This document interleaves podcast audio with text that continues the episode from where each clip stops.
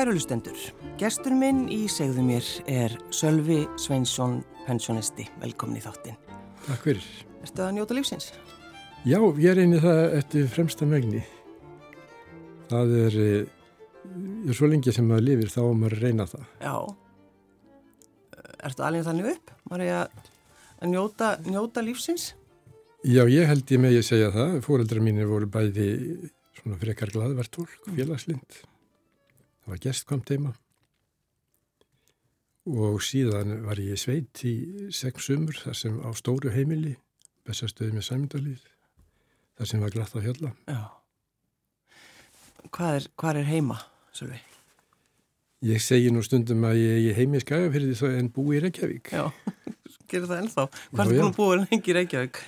Síðan, já nánast síðan 1970 þegar ég byrjaði í háskólanum. Já. Mm. En þeir sem að alast upp á, á söðokröki, hvað, hvað segja þeir um, um staðin? Já, þeir náttúrulega, sko, það segir í, í kvæði eftir Jónúr Vör að, að um, reppurinn fylgja manni alla leið mm. Mm. og auðvitað mótast maður að því umhverju sem maður elst upp í. Og þannig er það náttúrulega mér, mér finnst ég alltaf að vera komin heim þegar ég, þegar ég keiri inn í bæin. Já. Hvar var húsið ykkar? Svolítið? Það var við Skafferingabröð 15, var og er. Já, já. Og uh, leikvöldurinn var ekki síst í fjörunni. Ég held ég, ég óteljandi minningar frá úr fjörunni á kroknum þar sem hafa verið að kveikja bál. Já. Mm. Og svifst þá einskist til að ná í elsniti á bílaverstaðanum. í dag er því sko, já, í dag er því ringt á lögguna ef maður segi, ef fólk, já, já. fólk segi börnur að leika sér eldinum. Já, já, sjálfsagt. Já, og ég man eftir því að það var nú vinsalt að vera svo kallum bissuleik og félagi minn einn frá Ísafyrði sem var ofta á kroknum hjá ömmu sín á sumrin. Hann fekk einu sinni lánaðan riffil hjá sambilismanni ömmu sínar og, og Karlinn tók úr það sem þurfti til þess að vopni var ekki hættulegt en það var hringt í laurugluna, einhver hringt í laurugluna til að tilkynna að þarna veru tveir ungi menn með skotvapn og það er því að stöðva já. snarlega já. sem var og gert. Man, mannst eftir þessu vel? Já, já. já. Ég man vel eftir Gunnari lauruglu þjóni mjög ábúða miklum það sem hann komað okkur með þennan riffil í hundunum. Mm. Já, Þannig var það nú. Já, það er alveg hægt að lána börnum eitthvað betra heldur en heldur en einhvern riffil, verði ég að segja. En uh, Sölvi, sko, þínir draumar á þessum tíma, Hva, hvað vildur þau gera? Ég uh, fór í mentaskólinu Akureyri á sínum tíma og um, að stúdinsprófu loknu þá var ég ákveðin í því að verða bladamadur mm. og þess vegna fór ég í háskólan í íslensku og sakfræði sem ég taldi kjörin undibúning fyrir það starf. Já. En á háskóla áranum fór ég að kenna við Hagaskóli Íslands, eins og það hitt hitt. Hagaskóli Íslands. Já, og uh, þannig ílendist ég í, í kjenslum. Þannig að í rauninni var það kannski einhver, einhvers konar tilviljun eða sem ég segja að það sé ekki tilneitt sem er tilviljun sko? Já, það, það var þannig séð. Já. Mér líkaði ágætlega, mér aðsta gaman mm.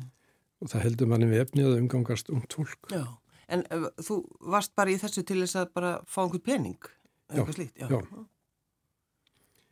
Við byggum á, ég bygg á gamla gardi með góðum félögum og það var stutt að fara í glömbæ. Já, bara, þú varst enga stund að hlaupa yfir. Nei.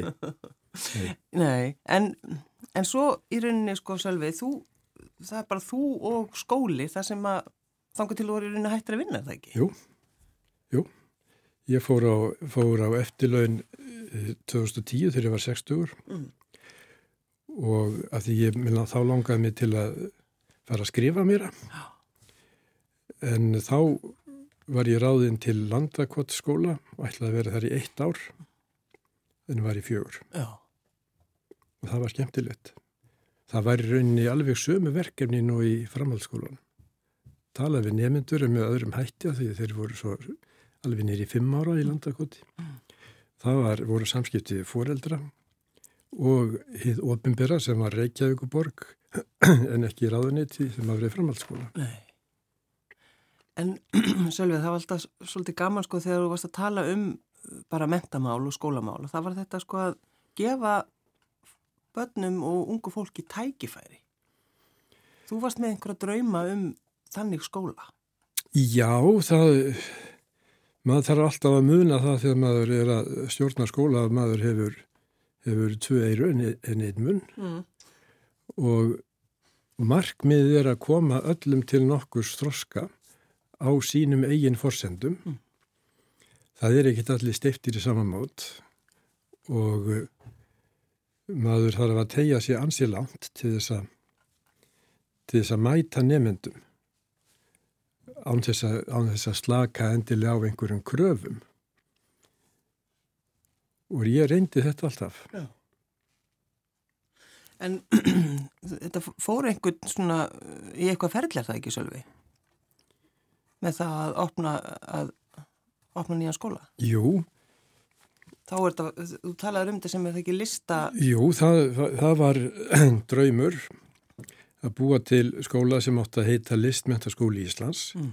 Þangað ætluð að koma inn tónlistaskólinni Reykjavík, myndlistaskólinni Reykjavík og fleiri. En það, það tókst ekki, það kom þarna skellur 2008 En ég held ég megi segja að nú sé þetta komið nokkuð á veg mm -hmm. því að bæði myndlistaskólinn í Reykjavík og tónlistaskólinn hafa breytt sínu námi og útskrifa nú stúdenta ímest í, af eigin vegum en, en yfirleitt í samvinnu við einhvern framhaldsskóla. Ah, en mín hugmynd var svo að nefnendur getur stunda sína listgrein í dagskóla í rauninni og sett síðan saman eh, bóklegt nám til stúdinsprófs vitandi vits að það próf greitiðum ekki götu í akademist háskólanám til dæmis eins og læknisfræði eða viðskitafræði eða eitthvað slíkt heldur fremur í lista háskóla oh. hér heima eða ellendis og það er enþá þörf fyrir svona skóla Já, já, mm. algjörlega En ertu hættur, ertu hættur að hugsa um mentamál og, og skóla? Algjörlega Er það? Algjörlega. Hefur enga skoðun á því lengur? Jú, ég er skoðun en, en bara en ég er hættur í skóla og þá er bara, þá er maður hættur Já. og fann að hugsa um allt annað. Já.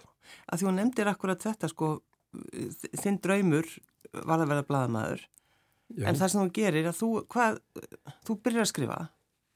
Já, ég hef skrifað, ég gáð fyrst út bók 1909 tíu með rétt, það var mm. Íslensk málsaga og síðan hef ég gefið út nokkra bækur um Íslensk mál, saga orðana, Íslensk orðtök og Íslenski málsætti með skýringum á dæmum og daglegu máli, taknin í málinu.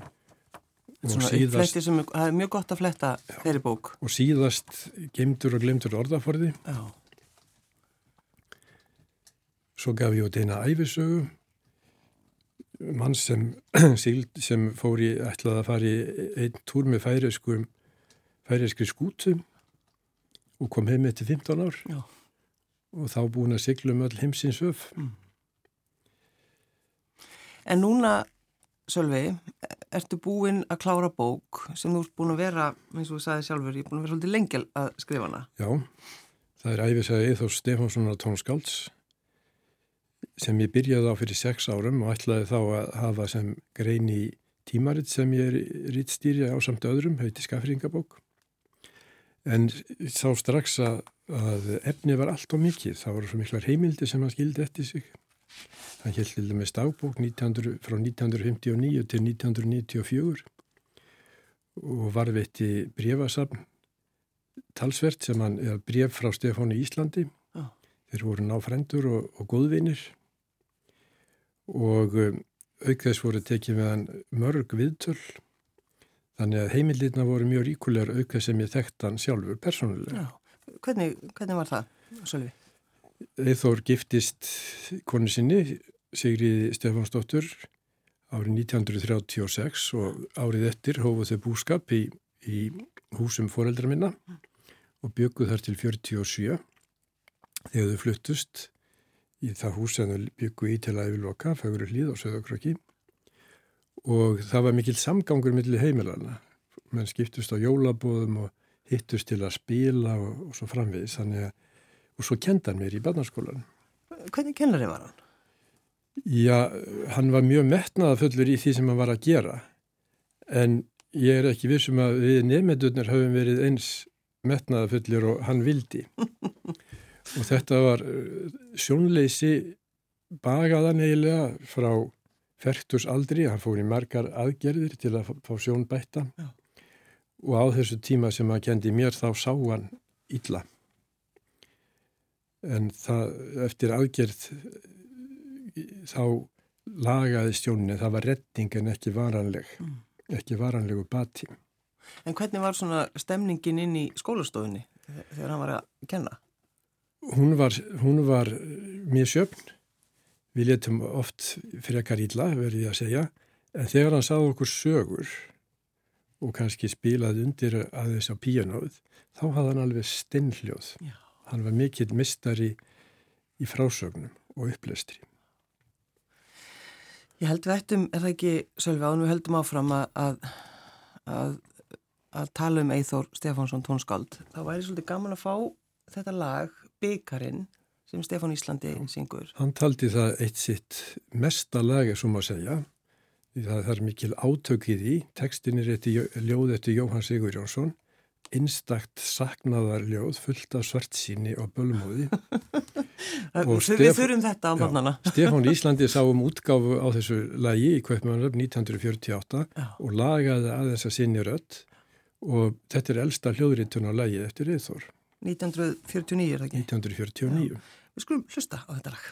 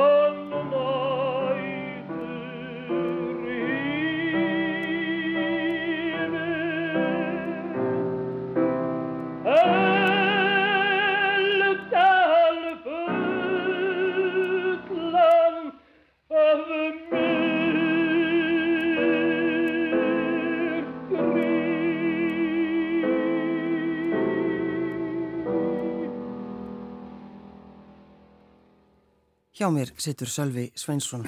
Sko þetta, þetta ljóð eftir hann Jóhann, þetta er, þú talar um bölmóð og, og bara myrkur. Já, það er, þannig að held ég hans ég að koma í orð vombriðum sínu með hvað, hvað hann var erfitt undir fætið að komast, mm.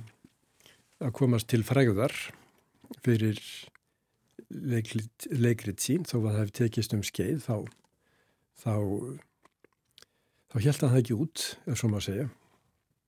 En þetta er fall, mikið lag hjá honum og, og Stefan flyttur þetta náttúrulega einstaklega vel. Já. Þeir voru náfrændur, góðir vinir og, og áronum 34 til 39 þá kom Stefan alltaf til Íslands og söng, fór í söngverðalag. Söngi Reykjavík, fór síðan ringin og endaði alltaf í Skagafyrði. Var kannski viku ímist hjá Eithóri út á Krók eða hjá ættingum sínum og frendum fram í, fram í sveit. Já. Tók það með frá kaupmannar dýrindis konjak og viski til að hafa í, í naktöskunni og svo var riðið millir góðbúana en Stefán Stefáni blöskræði þegar gamlir félagar hans og, og, og bændur í sveitum skagafjörðar vildu heldur heimasóðin landa heldur en, heldur en veigarnar sem hann kom með frá útlendu. Þetta er fínt konjak, franskt konjak.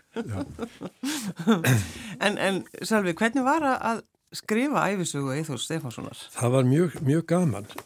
Hann, mjög, hann er mjög persónlegur í, í dagbókum sínum skrifa það sem dagana drýfur alltaf um veður eins og týðkaðist nú já, já. Í, í dagbókum og um, í dagbókinni fellir hann stundum dóma sem hann gerði ekki í, í sínu daglega lífi því að það var mjög háttvís maður. Já. hann var, einhver sagði að hann var í síðasti ar, ar, aristokratin hann var alltaf vel til ha, vel til fara stökum buksum og jakka hálsíðum frakka með hatt þörslöfu og e, þau gengur þjætt saman hann og, og Sissa hlið við hlið. Og um tíma þá var sá húnum að horfa til allar átta fyrir þau. Því að hann sá Já. svo illa. Margir, margir lögðunum það til að hann væri hrókafullur af því að hann heilsaði ekki. Mm. það var að því að hann sá ekki fólk. En ef minn helsuða fyrir bræði og þekkti það þá spjallaði hann óðar við þá og það var mjög gaman að tala við hann. Að vel aðsérum alla hluti og einstaklega vel máli farin. En sko, hann var náttúrulega leikari líka. Já, sjálfmentaði leikari. Já.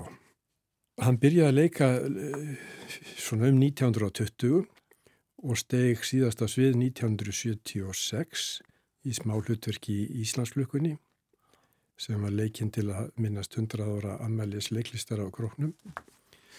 Og um, hann fór 1928 var hann um skeið hérna í Reykjavík og sótti þá tíma í, í tónfræði hjá Emil Tóráðsen og orgelspili hjá Páli Ísolsinni og fylgdist með æfingum hjá leikfélagi Reykjavíkur.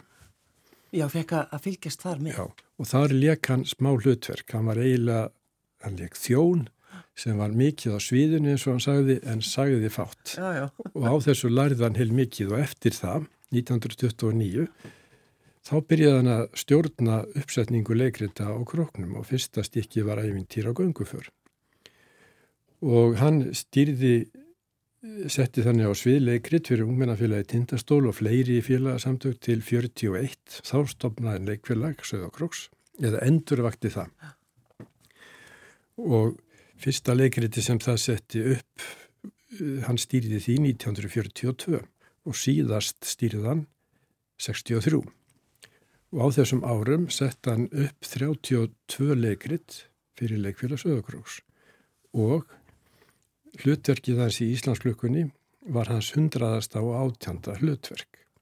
Hvað ert að segja? Þannig að hann, að þessi heimakæru hjón, hann og, og Sissa, þau voru nánast aldrei heima. Nei. hún söng í kurnuhjónum, hún leik, hún saumaði búninga eða breytti búningum þegar nýr maður kom inn í gamalt hlutverk í fyrri klæðnað, svo maður segja. Mm. En sko leikfélag Söðokróks er ennþá til Já, já, og setur upp síningar á hverju ári. Já, mm. En, en, þannig að arfleð hans lifir. mm. En var- hann eini leikarinn út á landi? Hann var lengi vel eini leikarin sem var í félagi íslenska leikara og uh, var einna stoppfélagum þess að ef ég man rétt. Já. Eini leikarinn út á landi, hugsaðu þér. En eins og þú- þú nefnir þetta sjálfi að, að þau hafa verið heimakær hjónin en, en einhvern veginn listinn Já, kallar. já. Svona Já. lýsir þessu svolítið vel. Og uh, æfingar á leikritum hófan alltaf heima hjá sér. Leikararnir komu í stofuna hans sem að kallaði. Hann hafa með stóra skrifstofu þar sem var hægt að setja upp fjölda klappstóla og allar æfingar hófust á því að hann spilaði orgeili sitt og leikararnir sungu til að mýkja röddina Já. og þar hófst samlestur. Já. Og síðan ferðu menn sig inn í bifröst eða í húsnæði leikfélagsins eftir að það eignaði sitt eigið húsnæði. Já. Og er, er þetta húsnað ennþá til? Já, já. Og þeir eru ennþá le, leik, leikfélagið er þar? þeir eiga leikborg, heitir það, gammalt trefsmiðavestæði, Já. En uh, Eithur átti eina dóttur Guðrúnu sem bjó lengst á Ísafyrði, gift kona þar og átti fjögur börn. Og hún lest nú langt fyrir aldur fram, hæfileika kona, glæsileg. Og, og þegar Eithur dó þá gáfu börn hennar, erfingjar Eithurs, gáfu byggðarsamni skaffyrðinga allt, all húsgögnin úr þessari stofu, myndir af veggjum, orgeliðans og annað sem þessari stofu tilherði. Já. En því miður er það allt í geimslu því að það á eftir að byggja hús fyrir, fyrir söfnin og króknum.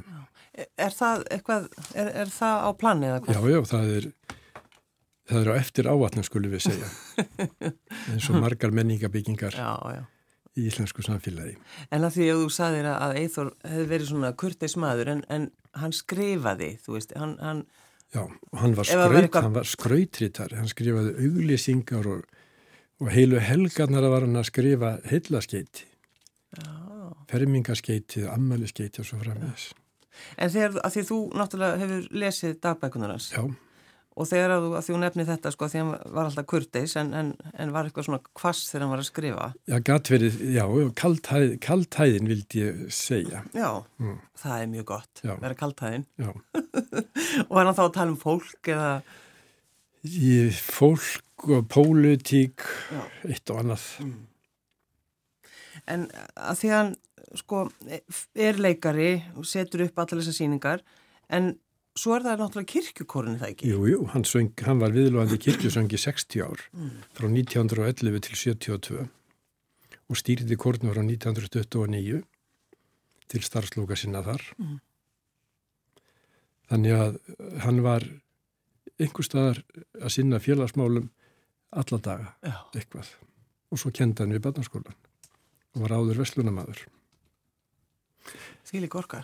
Og mér fannst svo gaman, ég var nú stundum sko þreyttur á, þegar ég vissi ekki alveg hvað ég átt að gera með sumt var að leitað einhverju, Mm. þá, þá hljóp ég yfir í þessar smásögur sem ég var líka að gefa út núna. Já, mér finnst þetta, þetta svolítið spes að þú ert að skrifa hérna mjög sko þessa bók um Eithor hvað er þetta? Þetta eru yfir 300 blaðsir Já, hún er 329 og blaðsir. svo til þess að kvíla, kvíla þig þá ferðu að skrifa smásögur Ég var búin að skrifa þessar smásögur fyrir nokkrum árum en tók það svo upp og umskrifaði þær allar nokkrum sinnum og það var, það var eitthvað gaman því að þegar, maður, þegar ég var með Eithor þá var maður að fylgja strángri línu eftir heimildum. Maður gæti ekki lefst sér að segja eitthvað nema það fyrir því heimildir. Já, já, En þegar maður er að skrifa einhvern skaldskap eða hvað það nú er, þá ræður maður sjálfur algjörlega ferðinni og, og getur látið fólk gera hvað sem er. mm Þannig að þú fengi útrás fyrir því Já, já,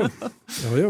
en um hvað er þessar, þessar smásögur? Það er fjalla, þetta er átt, ég kalli þetta, eh, sko, það, það er heita, bókin heitir Lög unga fólksins, átta tilbriði við stef Já, og e, þetta er sumpart vísun í heiti á, á útvarstætti en í bókinni þá, þá er þetta þá er þetta ekki útvarstáttur heldur lög unga fólksins er eiginlega reglur unga fólksins sem það setur gamla fólkinu já, Hmm. Og í þetta er allar þessar sögur fjalla með einhverju móti um roskið fólk, ekki kannski mína kynslu, heldur kynsluð fóreldra mína og já, eitthvað, eitthvað þýjumlíkt mm. og, og samskipti þess við ungt fólk sem eru með ímsu móti. Og, og þetta er sko eins og þú segir að uh, tala þessum fortíðina. Síðasta lag fyrir fréttir ómar úr gamlu telefunken út af stæki. Já, já, sko, mín kynsloð er alinu fyrir það að, að þeia frá 20 myndir við 12 til nánast, til, já, til klukkan 1 því að þá voru ekki bara fréttir, heldur voru veður skeitinn eins og, það, eins og þau héttu, háheilög. Og svo þegar þau voru búinn, þá lögðu kallarnir sig, ekki satt? Jú, jú sig. Og blunduðu í svona 5-10 mínútur. Já. Síðan fenguðu þeir kaffi og eitt síkurmóla og svo aftur út. Þetta, þetta held ég að allir á mínu reki kannist við. Já. Ma Mannstu eftir þessari þögn? Mannstu eftir því að það var þurft að... Já, já, já. Það sem var í sveit, sko, það sem voru, voru kannski 10-12 manns í heimili í snöndum, að þar var alveg skílaust um leið og nú verða að segja fréttir að þá var þögn mm. þánga til veður sketun laug Já mm. Þetta er svolítið skemmtilegt. Þú segir þú þínum barnabönnum að, að að halda sér til hljés þegar fréttind að koma, ussar á þau Ég stundum verði að viðkjöna mm. En sko, þú búin að vera sex ár að skrifa æfisögu Eithór Stefanssonar Fyrst er að vera, sko, er það langur tími? fyrir svona, svona verk? Í, sko, ég hef gert þetta með öðru. Mm -hmm. Nei, í raunin ekki, því að maður þarf að lesa og svo sá tímapunktur kom að ég saði bara, nú er ég, er ég komið með það miklar heimildir að þó ég finni eitthvað meira þá bætir það kannski litlu eða ég vil engu nýju við. Og uh, þá settist ég niður og, og uh, fór að skrifa af krafti. Mm. En ég hefði góða menn mér til aðstóðar.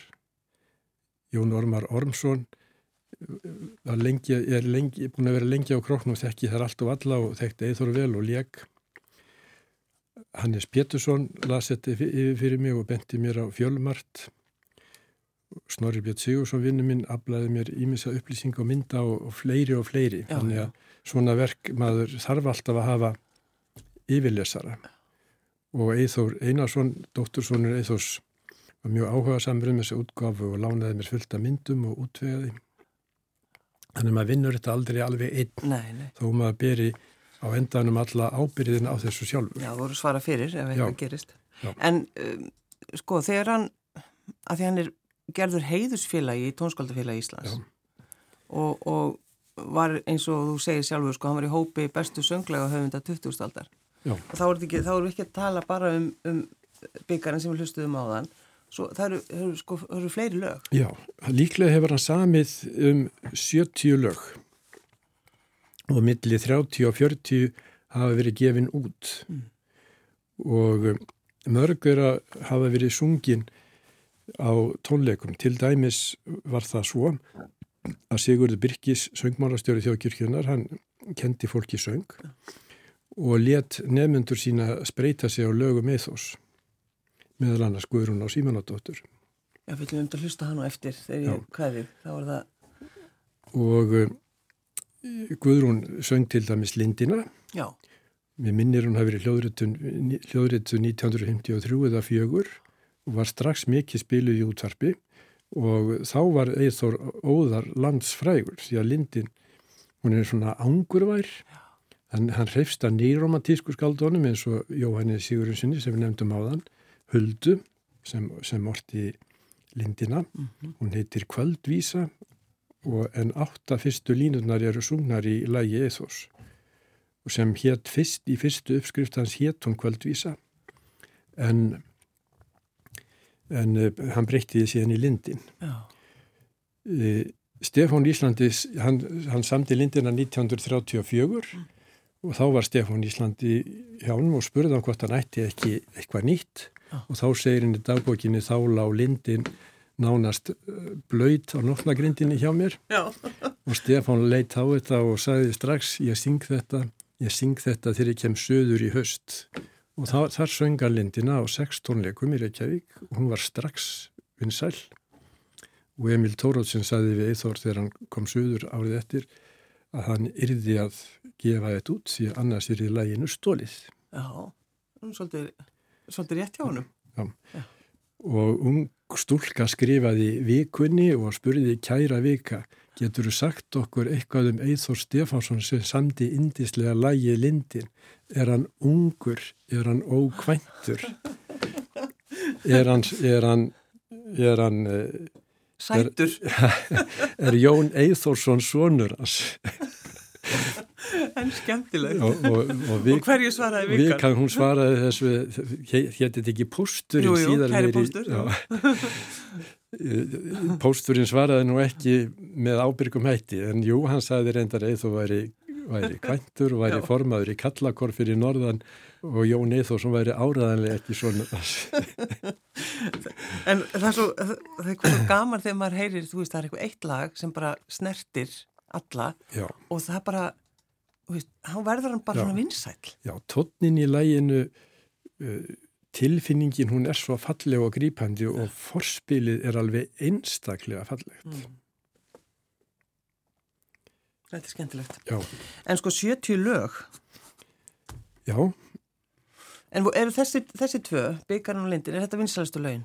Byggarinn Lindin Mánaskinn Nóttin með lokkin ljósa eru líklega vinsalistu löginans, síðan Ó Jésu Batt sem er salmur og, og Dóna Nobis Pakem er, er bæinn sem hann samdi til heiðus Jóni augmyndarsinni Helga Biskupi og frumflutt var að hóla hátíð. Skrifar hann í dagbúkonum, Sölvi, hann eithor, sko, lýsir hann í hvernig hann semur? Hann, hann gerir það meiri viðtölum. Hann sagði í mörgum viðtölum að lögin kæmu til sín svona hægt og hljótt og síðust einhvern negin og eh, lang oftast var hann búin að finna ljóð eða texta. Og kunni það og þetta svona matlaði í hugans eins og til dæmis hann var að fara í útriðatúð þegar samt í lindina vaknaði eld snemma um morgunin, sólum allan fjörð og blíða og þá, þá kviknaði lægið og svo allan útræðatúrinu upp upp í fjöllin fyrir við Skagafjörð þá, þá var lægið að, að hljóma smám saman í höfðina á honum. Og þegar hann kom heim þá skrifaði það á nótur. Og svona var með fleiri lög þegar sér Helgi Konradsson tó, prestur og króknir sem var náinn vinnur eithos, þá samdan lag til minningar um hann, eitt af fáur lögum sem urðu til á undan texta. Mm. Og vinnur hans Gísli Ólarsson fara á Eiríkstöðum orti síðan við að tværi vísur, harmljóð. Ég held, ég ætla að fara að senda þig út í daginn, Sálvi Sveinsson. Uh, Vittum að hlusta á Guðrún og Símunar Já. og þetta er náttúrulega lag sem heyrðist mjög mikið út af Já, og hlustið að forspilið aður og svo hvernig hún syngur þetta kröftulega og fallega með sinni tærurött Og þetta er Lindin eftir Eithór Stefánsson tónskald Sölvi Sveinsson, takk fyrir að koma. Takk sem liðs